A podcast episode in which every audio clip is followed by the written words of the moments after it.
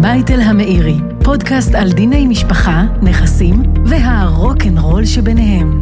עם עורך הדין זיו בייטל ושמאי המקרקעין גלעד המאירי. שלום לכם, שמחים שהצטרפתם אלינו לעונה שנייה של בייטל המאירי. אני עורך דין זיו בייטל, מומחה לדיני משפחה וירושה. אני גלעד המאירי, כלכלן, משפטן ושמאי מקרקעין. אז למצטרפים החדשים, אם יש כאלה בכלל, הפודקאסט שלנו מתמקד במשולש של דיני משפחה, נכסים, והכי חשוב, הרוקנרול והבלגן שנוצר ביניהם. אה, בעונה הזאת אנחנו נביא מקרים אמיתיים שהעלו סוגיות משפטיות מורכבות בין בני משפחה או זוגות, כשבתוך הרוקנרול הזה למעשה עומדים להם נכסים ורכוש שצריך להבין מה עושים איתם. אנחנו כמובן ננתח, נסביר ונבין את הסכסוכים האלה, איך הם נפתרו, למה הם נפתרו, האם הייתה אולי דרך אחרת לטפל בעניין הזה. לפני שנצא לדרך, גלעד, אנחנו נזכיר לכם שאתם יכולים להאזין לנו במגוון הפלטפורמות, באפליקציה, באתר, בספוטיפיי, באפל פודקאסט, בגוגל פודקאסט של רדיוס 100 FM, ובעונה הזאת אנחנו מתחדשים במצלמה יפה ובווידאו. וידאו, ו... מצלמים אותנו, תראו אותנו ביוטיוב, בפייסבוק. כן. מי שרוצה, קלטת VHS, ישים בווידאו. ויוכל לראות אותנו. אז זהו, כן, אז אנחנו אה, בעניין הזה התחדשנו. אה, בפרק הזה, גלעד, אני אשאל אותך שאלה, מה בין נחלה, דף גמרא וצוואה? תקשור לי ביניהם. הכל, עוסק, הכל עוסק בכסף. בדיוק. היית בא במציע, קראת בא במציע. בא זה... במציע, כן. אז לאלה שלא uh, מבינים, אני אספר את הסיפור הבא. סיפור של לקוח מחים אמיתיים. סיפור שפרנס אגב עורכי דין, משהו כמו עשר שנים, התגלגל בבית משפט, ועוד היד נטויה, יש עכשיו אה, ערעור שתלוי ועומד בבית משפט מחוזי, ומעשה שהיה, ככה היה גלעד. אנחנו מדברים בעצם על נחלה שירש אותה אה, בן העדה התימנית לפני המון שנים בקום המדינה. צריך להבין שהנחלות האלה, אתה בטח יודע, גלעד, נמכרו או ניתנו אפילו במתנה, היו שווים פעם כלום ושום דבר. והיום שוות עשרות מיליונים. כמובן נחלה, אנחנו מדברים, זאת אומרת, על שטח במושב. נכון. סוג ש... של משק. שטח של משק חקלאי. שבעצם אה, ניתן אה, לאותו אה, עולה שקיבל את זה אז בשעתו, בשנות ה... קום המדינה. אז בעצם אנחנו באותן נחלות, נחלות שבעצם הן נחלות חקלאיות, נחלה חקלאית, יש דבר כזה שנקרא בן ממשיך.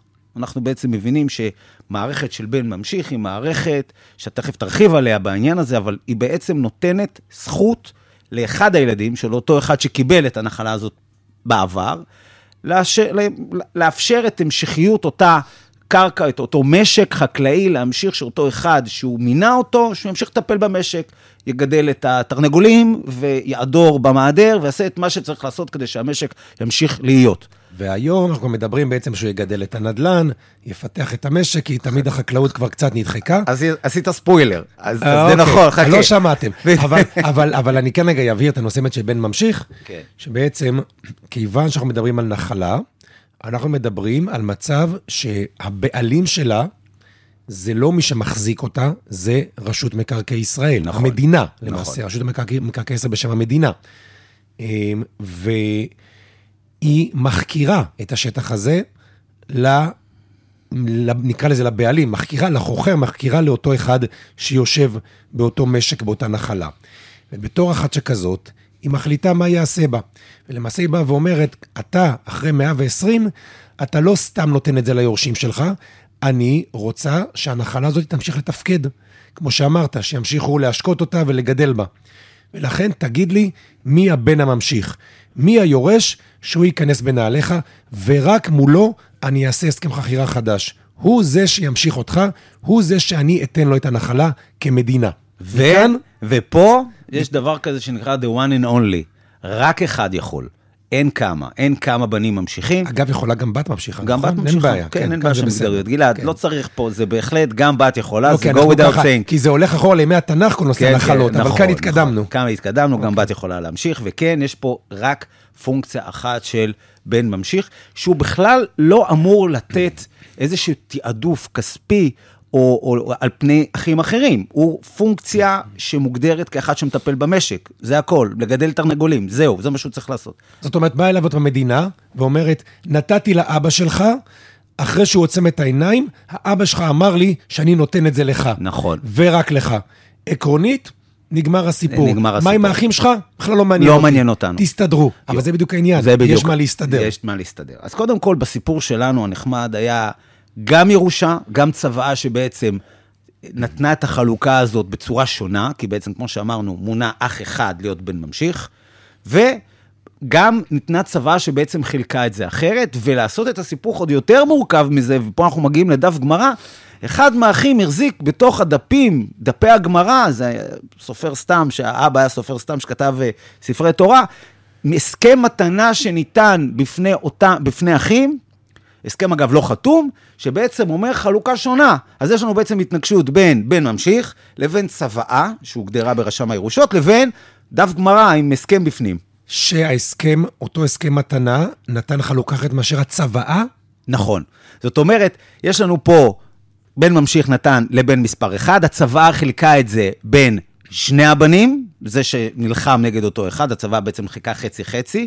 לא משנה שהיו תשעה אחים, אבל שני אחים בעצם היו ה...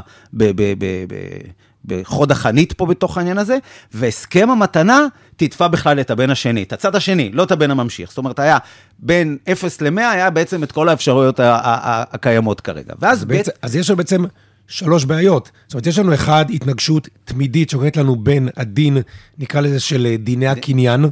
במקרקעין, נכון. שבה בעצם הבעלים, המדינה, לחוכר ואומר, אני מחכיר את זה לבן אחד, נכון. ויהיה חוזה חכירה בינינו, ולכן לכולי עלמא, הוא ורק הוא החוכר. מצד שני, יש לנו כאן דינים חוזיים, אובליגטוריים בין צדדים. אפילו לא אובליגטוריים, חיז... חוז- חוזה. חוזה, חוזה, חוזה, אני עוד לא מדבר על המתנה, בכלל, כל המרקם הזה של שני צדדים לעומת כלל העולם, שבא ואומר, הנה הסכם, ש... הסכם מתנה, לחילופין יש לנו אה, אה, ח... אה, ירושה, זה דברים בינינו לבינינו, ובתוך זה יש לנו את הדילמה, איפה כאן מה גובר מה. רגע, חוק הירושה שכחת. זאת אומרת, יש לנו חוק הירושה שבעצם בא ומגדיר, צוואה היא זאתי שאמורה להיות חזות הכל, אז לך, הלכתם לרשם, לכו לרשם הירושות, תחלקו, תחלקו את זה ביחד, ולא משנה לנו מה. יש את, את הנושא של באמת דיני החוזים. ולא משנה לנו מה, ולא משנה לנו שהמדינה, נכון. שזה רשם היר- הירושות גם, אמרה בכובע אחר, זה רק שלך. אתה יודע, מה שמצחיק זה שהסכסוך הזה התנהל, כטבעם שדיברנו על זה באחד הפרקים, התנהל, שוב, בבית משפט לענייני משפחה, אותו בית משפט, אותו ארגון יחסית צנוע, בערכאת שלום, זה, זה בעצם הסמכות, צריך לדון בכלל בכל כך הרבה, במארג של כל כך הרבה חוקים בהתנגשות, שאגב, אתה יודע שאחד מה, מהמשיבים או הנתבעים, אתה יודע, זה היה בכלל המינהל מקרקעי ישראל. תנחש מה המינהל אמר באותה, אה, באותה, באותו דיון? אותי זה לא מעניין. אותי זה לא מעניין, אני לא יודע להביע... הוא אומר את זה בהרבה דיונים. בהרבה דיונים. בקיצור, לא מעניין אותו איך אומרים, ושחקו הנערים לפניו. אז באמת, בית משפט היה צריך להכריע בין כל העניין. אז בעניין הזה, בתיק הזה ספציפי, גם היו הרבה הם, הם, הבטחות בעל פה, שהוקלטו אגב, שידעו בעצם לאשרר או לאמת את אותם מסמכים שהיו אז, כי צריך להבין, המסמכים בשעתו לא היו כל כך חתומים, וזה היה סוג של פרוטוקול משפחתי, לא משנה. לא ניכנס לתוך העניין הזה. מסמכי מתנה, אתה אותו מדבר. מסמכי מתנה, היו פרוטוקול משפחתי שמישהו רשם, בעצם עשה איזשהו סיכום של מה שהיה, בלי ממש שהחתימו את האנשים, אבל כן, היה עניין של, של שהיה צריך לאמת את כתב היד, ואחר כך היה הקלטות, כן, לא. אבל מה שמעניין אותנו בפרק הזה זה באמת לדון בין ההתנגשות הזאת של, של כלל החוקים אה, והחוקיות. ופה בעניין הזה אני הייתי שואל אותך, גלעד, אם אנחנו למעשה כרגע שמים בצד את העניין הזה של אמ, הקניין או הקנאות שניתנו מכוח הסכם המתנה, כן או לא, או מכוח אה, הירושה, מה המהות הקניינית של אותו הסכם, אותו, אותו בן ממשיך? האם זה משהו שאני יכול היום, כאחד שקיבל בן ממשיך, התחלת לדבר על גורדי שחוקים, דיברנו עכשיו על עשרות מיליונים, אפשר, היום אני יודע שגם מפשירים קרקעות כאלה. זה משהו קנייני? במקום לגדל תרנגולים, עכשיו יתחיל פה ל- אה, אוקיי, לגבות אה, שכר דירה מבעלים? אז ככה, אז בואו בוא רגע נבחין. בנחלות, בדרך כלל, יש לנו כמה סוגי שטחים. הנ- הנחלות, באופן כללי, הם סוג של שטחים שהוחכרו למטרה חקלאית. יש לנו אמנם את בית המגורים, ואפשר גם להרחיב אותו לעוד מספר יחידות, אבל חלק גדול מאוד מהשטח הוא שטח חקלאי. לגבי השטח החקלאי, בגדול, הוא שום וכלום. זאת אומרת, אפשר להשתמש בזה למטרות חקלאיות, וזה בסדר, ויש גם כאלה שבאמת עושים את זה. אבל חקלאות זה לא כזה ביזנס במדינת ישראל. ואז באים אנשים ואומרים, אוקיי, יש לנו שטחים חקלאיים, בכלל רוצים עכשיו לעשות שינוי ייעוד, השטח הזה ייכנס לשכונת מגורים חדשה, שתהיה בפאתי המושב. אגב, יש לך מספרים להגיד לנו? מה זה שמה? כמה שטחים כאלה, אתה יודע, נגיד במרכז הארץ, שהיו אני- שווים שקל וחצי קודם. תראה, אני לא יודע להגיד לך, באמת אין את המספר, אבל אנחנו בוודאי יודעים שלמעשה אם ניקח קצת מעבר ל- ל- לשטחים של תל אביב, ממש והמרכז, יש לנו הרבה מאוד מושבים, נכון. וכל המושבים האלה, השטחים הם, הם באמת בעלי שווי עצום. עצום. המושבים שבשרון, גם המושבים הרחוקים, אפילו המושבים שמגיעים בדרום, עד, עד גבולות של אשדוד ואשקלון, הם כולם שטחים יקרים. אבל אה, הנושא של לשנות את הייעוד של השטח צריך רגע להבחין. השטחים הגדולים הם השטחים החקלאיים.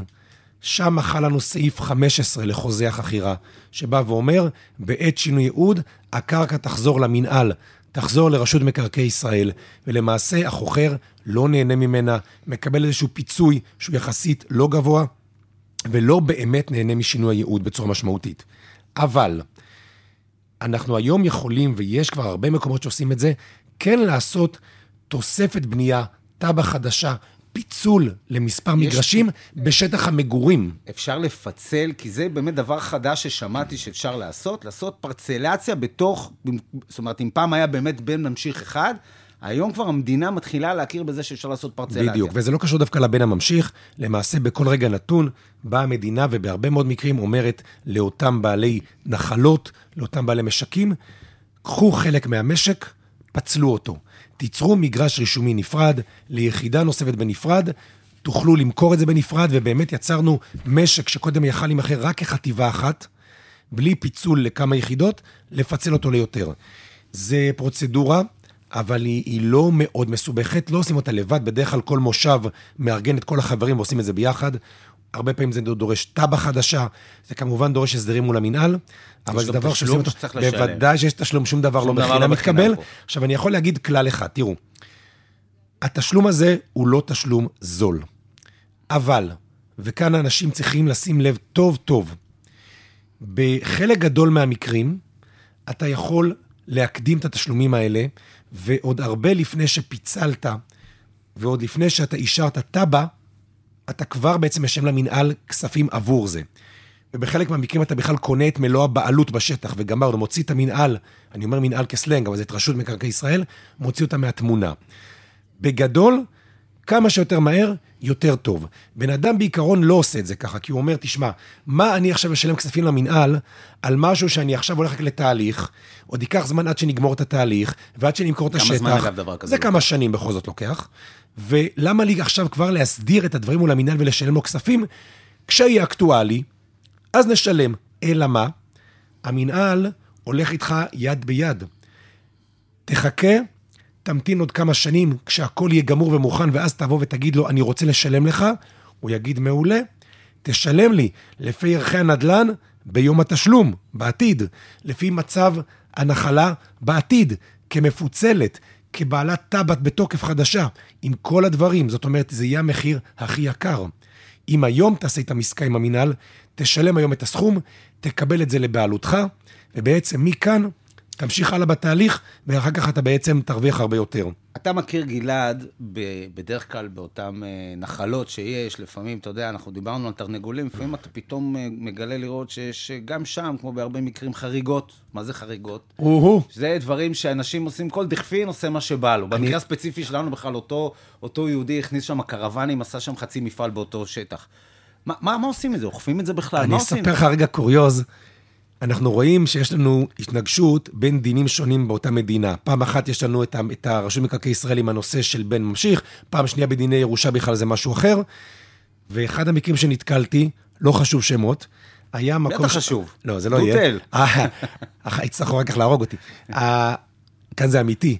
משרד הביטחון בא לבעל נחלה במרכז הארץ, שהיה לו מבנה לא חוקי ב... בתוך הנחלה. הוא יצר סוג של אה, משרד, כזה היה פעם אה, לול, הפך את זה למשרד ממש יפה.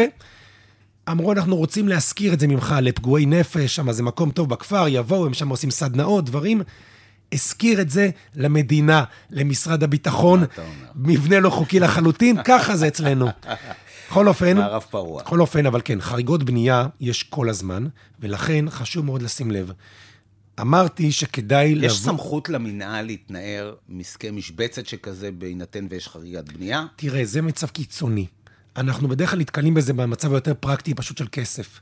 כי כשבא בן, אדם, על ה- כשבא בן אדם למינהל ואומר, אני רוצה להסדיר עכשיו, לקבל את הזכויות בשטח לתקופה נוספת, לשטח יותר גדול, לפיצול, לכל מה שדיברנו, כל ההטבות האלה, המינהל אומר, רגע, קודם כל אני מוציא פקח לראות מה קורה אצלך.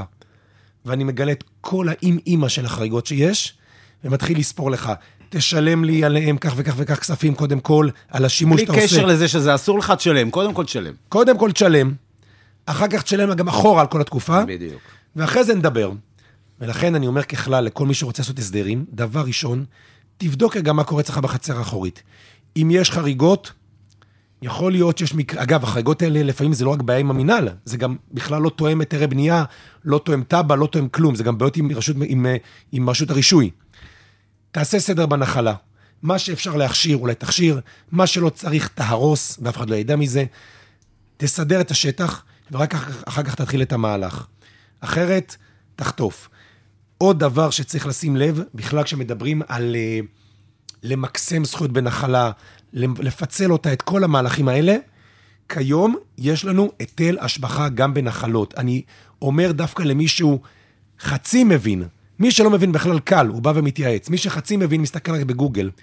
אם תסתכלו בגוגל, תסתכלו בחוק התכנון והבנייה, תראו שהיטל השבחה חל רק על בעלים או חוכר לדורות. חבר'ה שמחזיקים בנחלות, אנחנו קראנו להם חוכרים, אבל למעשה הם לא חוכרים, הם ברי רשות. יש להם בדרך כלל חוזי חכירה תלת-שנתיים מתחדשים. מבחינת דיני המקרקעין, הם לא נקראים חוכרים, הם נקראים ברשות, יש להם זכות להחזיק בשטח. הפסיקה בבית המשפט העליון בשנים האחרונות חידדה את הנושא הזה. יש לנו את הלכת בר יהודה, את הלכת בלוך, מי שרוצה שיסתכל, שבעצם אומר דבר פשוט. אם זה נראה כמו חכירה, אם זה מריח כמו חכירה, אם זה שווה כמו חכירה, זאת חכירה לדורות. ולכן, כיום, בן אדם שמחזיק שטח במושב, בחכירה תלת-שנתית מתחדשת, בחכירה שהיא בעצם לא לדורות, לצורך מס, גם מס שבח, כבר מזמן זה ככה, וגם היטל השבחה בשנים האחרונות, רואים אותו כחוכר, כחייב במס מלא. ולכן, כל אותם פיצולים, פרצולים, זכויות נוספות, גם היטל השבחה ייוולד, יש מה לעשות, יש מה לערער, אבל לשים לב לדברים האלה מראש. במקרה שלנו באמת, אתה דיברת על פיצולים, אז באמת במקרה שלנו נבחנה הסוגיה הזאת של פיצול, וזה עדיין לא מספיק, אה, מה שנקרא, אה, מעובה ומעובד, ולכן הסוגיה הזאת, לא, הפתרון שלה לא, אה, לא היה רלוונטי בתיק הספציפי הזה. אני חייב להזכיר ולומר, שאם דיברנו באמת על סתירה בין חוקים, צריך להבין שחוק הירושה למעשה כן ידע להכיר בנושא של אה, פיצוי אותם אה, יורשים פוטנציאליים, בין אם זה בחוק הירושה, בין אם זה בצוואה שהם קיבלו, שבעצם אותו בן ממשיך שקיבל את הנחלה, צריך לפצות אותם, מסעיף 114 לחוק הירושה שבא ואומר שהוא בעצם צריך לפצות אותם. פה בכלל נכנסים לשאלות של, שוב... של שווי, של כמה צריך, אם צריך לפצות בכל, בכל, אה, בכל הסכום, סכום ריאלי, סכום עבר, סכום עובד. זה נחשב אגב עסקה? זה נחשב... שהם כאילו מכרו לו לא.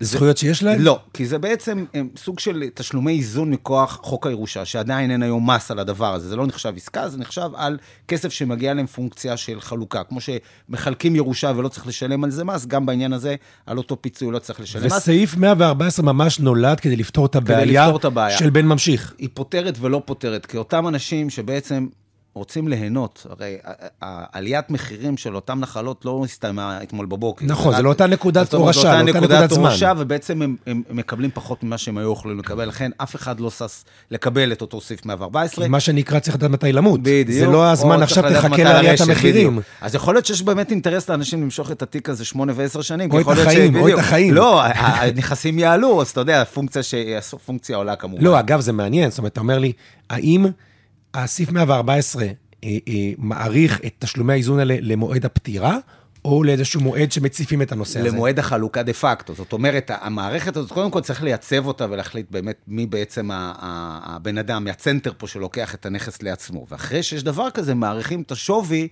בגדול, ליום פקודה, זה לא יום הפטירה. כי יום הפטירה הוא, הוא יום ארטילאי, הפיצוי הוא כן צריך להיות, אבל הוא כן נגמר באיזשהו שלב. אבל אני יכול, נניח שאנחנו שלושה אחים, שאנחנו סבבה אחד עם השני, ואנחנו אומרים, תקשיבו, אנחנו רוצים ליהנות מעליית ערך של הנחלה, לעשות עוד כל מיני פעולות בה, כל מיני דברים, או סתם אנחנו מאמינים שהשוק עוד עולה, ואנחנו לא רוצים להידפק עכשיו עם תשלומי איזון בתקופה לא טובה. בואו נשב על זה בהסכמה של כולנו עשר שנים. נחליט בינינו, ועוד עשר שנים, או איזשהו מנגנון אחרי שנחליט, אז אנחנו נעשה את החלוקה הזאת, ואז את תשלומי האיזון הזה. שאלה מצוינת. שתי מילים בשבילך. אי אפשר. התיישנות ושיהוי.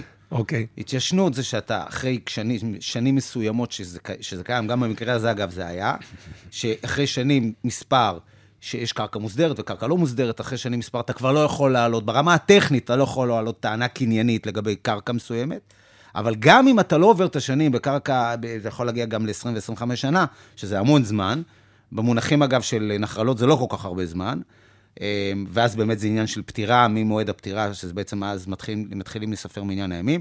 אבל יש עניין של שיהוי. אם אתה ישבת, ישנת על זכויותיך, בית משפט יכול בעצם להגיד לך, בחורצ'יק, אתה, מה שנקרא, ניסית פה להנדס את התודעה. אם היה לך, יש את המשפט האלמותי, if you're gonna shoot, uh, shoot don't talk, אותו דבר פה, אתה צריך לבוא, לעמוד על זכויותיך, מגיע לך, תדרוש. לא אמרת כלום, חיכית, מה שנקרא, וישחקו הנערים לפניו, לא בבית ספרנו, ולכן הנושא הזה הוא לא בלי בעיות. אז דיברנו על סעיף 114 כאיזושהי יכולת אה, פתרון מסוים, אבל אני רוצה רגע משהו לשאול עליו, אבל זה עושה איזון ביניהם. האיזון הוא נטו או ברוטו? זאת אומרת, הרי בא בעל הנחלה אשר ירש אותה. לכאורה, אם מחר בבוקר הוא מוכר, יש לו עוד כל מיני מיסים, היטלי השבחה, מס שבח, תשלומים למינהל, whatever, הוא במקום אם להישאר עם 15 מיליון, נשאר עם 10 מיליון בכיס. תראה, זה, זה גם... איך הוא מאזן? בנטו. בברוטו? פונים למר שמאי, ובעצם הוא צריך באמת לבוא ולשקף, הרי מכירה היא לא, היא, לא, היא לא אמיתית, היא לא היום מוכרים ממוכר לרצ, מרצון לקונה מרצון, אי אפשר היום ממש למכור את הנכסים האלה, גם אם הוא מאוד מאוד רוצה. אבל עדיין יש להם שווי, שווי שהוא שווי ריאלי. בגדול, בשורה התחתונה, זה, זה, זה תשלום שהוא לא לוקח בחשבון את המיסים האלה, כי לא ממש נותנים עכשיו איזשהו אה, אה, אלמנט מכירתי, מה גם שכמו שאנחנו אמרנו קודם, גם הערך הזה כנראה רק יעלה. זאת אומרת, אז עוד אם- תקצץ עוד... עוד, עוד זאת עוד- אומרת, אם אני ירשתי נחלה שווה 15 מיליון, למרות שאם אני מחר מוכר אותה נשאר עם 10, יגידו לי, לא, אתה עכשיו, אם נניח שלושה אחים, אז אתה, בבקשה, תיתן 10 מיליון לאח, לאח- חמש לאח אחד, חמש לאח שני, ותישאר כי יש לכם 15 ובוא תאזן ביניכם, שאגב, זה תכנון מס לא רע למקבלי הכסף. כי אם הם היו יורשים באמת הנחלה, אז היום- בסוף היו הם היו מוכרים. ומשלמים מס. עכשיו הם מקבלים את זה לכיס, נכון. ולא משלמים מס, ובעצם הרוויחו. נכון. ואגב, אני חושב שיש בזה אבל איזה גם פתרון לצדק. כי אתה באת ואמרת, הם לא נהנים מעליית ערך. אבל אתה אומר להם, קחו את השווי, אם אתם כל כך מאמינים בנחלות, לא יודע מה, בשרון, יש לכם כסף, קנו נחלה כזאת, אם אתם מאמינים שזאת ההשקעה הטובה שתעלה. תקנו נכון. כזאת, ויעלה לכם תראה, הערך. תראה, את אותם אנשים שום דבר לא יספק, כי אתה נותן להם איזשהו אה, חשבון מתמטי שלא ממש מדבר אליהם. הם קודם כל נפגעו פעם ראשונה ברמה האמוציונלית שהם לא ירשו. מה פתאום? רגע, גם, גם, גם אבא רצה גם לתת לנו, הנה אנחנו רשומים ב- בצוואה, הנה אנחנו קיבלנו פה, קיבלנו בתוך הדף גמרא איזה הסכם מתנה שבכלל אה, אף אחד לא מדבר. אנחנו רוצים להיות רשומים, אני רוצה לראות את השם שלי במינהל, מתנוסס שם. כן. אז זה לא תמיד עונה להם, הכסף לא מדבר אליהם, הכסף זה הדבר הפחות. אגב, בעניינים שלנו, בענייני ירושה, דין פרוטה כדין מאה, אפשר גם לריב גם על, אה, על אה, דירה פריפריאלית ו-200 אחים, וזה לא משנה שום דבר. זה עניין של כבוד ושל אגו. ואגב, גלעד, בדברים האלה, זה, בסכסוכים האלה, סכסוכי ירושה, זה דורות שלא מדברים אחד עם השני. הילדים והילדים של הילדים, זה מה שנקרא אה, אה, גירושים. בנים ממשיכים בנ- ונכדים ממשיכים, את הריב. ממשיכים את את הריב. הריב, יפה מאוד. אז כן, אז זה בדיוק, אה, זה בדיוק העניין. אבל צריך להבין שהנושא של 114, סעיף 114 הוא לא חזות הכל, הוא איזשהו דרך פתרון שהמחוקק ביקש לעשות, הוא לא ישים, אבל תמיד האספירציה של אותם אה, ניצים, היא כן תהיה להכרעה שיפוטית, שתיגע באמת בקלאש הזה שבין אה, בין ממשיך לבין אה, חוקים אחרים. אם זה מעניין אותך וזה מסקרן אותך, במקרה הספציפי הזה, הערכאה הראשונה הלכה, כמו שלפעמים, לצערי הרב, עושים ערכאות, לוקחים את ה-easy way, ובעצם מתעדפים את ההסכם הפורמלי, את ה, אה, אותו בן ממשיך, אומרים, אנחנו לא יודעים, אה, אתם רוצים, תלכו ל-114, אנחנו לא יודעים להגדיר, מנפנפים את ההסכמי מתנה, זה כן נרשם, זה לא נרשם, זה כן דווח, זה לא דווח, זה, זה בכלל לא חתימה, כן חתימה. יודעים להנדס, כמו שעושים פסקי דין, לבוא ומה שנקרא, אה, לעשות באלימינציה של, של הנושאים והסוגיות שיש בפני אותה ערכאה. ובשורה התחתונה, הברזל הוא, אגב, בדומה לירושות ולצוואות, תמיד הצוואה, כשאתה מנסה לאתגר צוואה, תמיד הברירת מחדל שקיומה של צוואה, קיומו של בן ממשיך, לעולם תמיד היא יותר חזקה, ותמיד קל לבית משפט ללכת לכיוונים שם. לכיוון של בן ממשיך. לכיוון של בן ממשיך. להגיד, עזוב, הסכם מול המדינה יותר חשוב מהצבא. בדיוק, הסכם, זה פורמלי, זה חיצוני, זה כולי עלמא, זה, זה מה שאנחנו רוצים, לא רוצים עכשיו כל מיני עסקאות. אז מה אם אני מבקש עכשיו בחצי דקה פתרון לדבר הזה של הורשת נחלות? תראה, בשורה התחתונה... אגב, תקשיבו לפרקים קודמים שלנו, היה לנו גם התייחסות לזה בעונה הקודמת. אז, אז, אז קודם כל, כשאנחנו מדברים על הסדרה מראש, אז אין ספק שצריכה להיות התייחסות של אותו מוריש עוד מקדמה דנה, עוד לפני שנכנסים לכל הבנים הממשיכים, שאם יש באמת פונקציה שמצריכה אה, ל, אה, ל, רק בן ממשיך אחד, אנחנו היום, שוב, דיברנו על פרצלציות, שזה איזושהי רוויזיה שיש בתחום ש, של אה, הנחלות, אבל אם בכל זאת יש את העניין של תעדוף בן אחד מכוח, אה, מכוח מן המציאות, אז כן, במסגרת הצוואה, לא תיתן למדינה להחליט, או לבית משפט, מה זה אותו סעיף 114. אתה תדע לבוא ולהגיד איך אתה רוצה שאותו בן ממשיך יפצה את יתר היורשים שלו בהסדרה מראש. כדי שלא יבואו, קודם כל פעם, פעם אחת כדי שיראו את השם שלהם, שיש להם, שהם כן פונקציונרים, שזה איזשהו אילוץ מסוים, שמישהו צריך לקחת את המושכות. אגב, לא דיברנו על זה, אבל מי שלוקח בדרך כלל את המושכות אותו בן משפיך זה באמת מישהו שהיה פעיל במשק. לא סתם ממנים איזה, איזה מישהו שנמצא מעבר לים שמנהל את זה מרחוק. צריך באמת מישהו שיודע להתעסק, ב, להיכנס ללולים. איך אמרת? לא משרד הביטחון, אלא ממש לולן. אבל במקרה שלנו, אם רוצים להסדיר את הכל מראש, צריכים באמת לתת את, ה, את החלוקה, את האחוזים, את הכספים, כמה שהם יותר ליורליים. גם אה, אה, צוואה נכונה יכולה באמת לתת גם את הערך, גם העתידי. ובעיקר להיות ערים לעניין הזה ולהכין את הכל מראש. היום, כנראה שהדברים יהיו יותר, יותר קלים בגלל שיש יותר נוחות לבוא לעשות חלוקה, אבל עד שזה לא יהיה ממש ממש מוסדר, צריך אה, מה שנקרא סוף מעשה במחשבה תחילה. טוב, ו... אה, אז עד כאן הפרק שלנו הפעם. אה, תודה רבה לכם שהייתם איתנו. אנחנו מזמינים אתכם להאזין לכל הפרקים, כולל אלה שכבר עלו בעונה הראשונה של בית אל המאירי. הכל מחכה לכם במגוון הפלטפורמות של רדיוס 100 FM, באפליקציה, באתר, בספוטיפיי, באפל פודקאסט ובגוגל פודקאסט. אנחנו מעדכנים בפייסבוק ובאינסטגרם של רדיוס 100 FM כשעולה פרק חדש, אז אתם מוזמנים לעקוב. אה, תודה לצוות שלנו כאן באולפן, תודה אביטל. תודה מאירי. ואנחנו נשתמע בפרק הבא. מה שומעים היום? ואנחנו דיברנו על תמיד ירושות. תמיד אני שואל את עצמי, תמיד, אני תמיד מסוקרן, מה אתה מביא לנו היום? כל קודם כל, אני כבר אומר שכל מי שרוצה לשמוע, שיהיה בפלטפורמות של רדיוס, אחרת הוא לא יכול לשמוע את השיר. נכון. אנחנו דיברנו על ירושות ועל מישהו שהלך לעולמו, אולי זה קצת נשמע ציני, אבל מה שנקרא, זמנך עבר, אז אנחנו נשמע את אהוד בנאי בשירו, בשירו האלמותי, זמנך עבר. זמננו עבר, גלעד.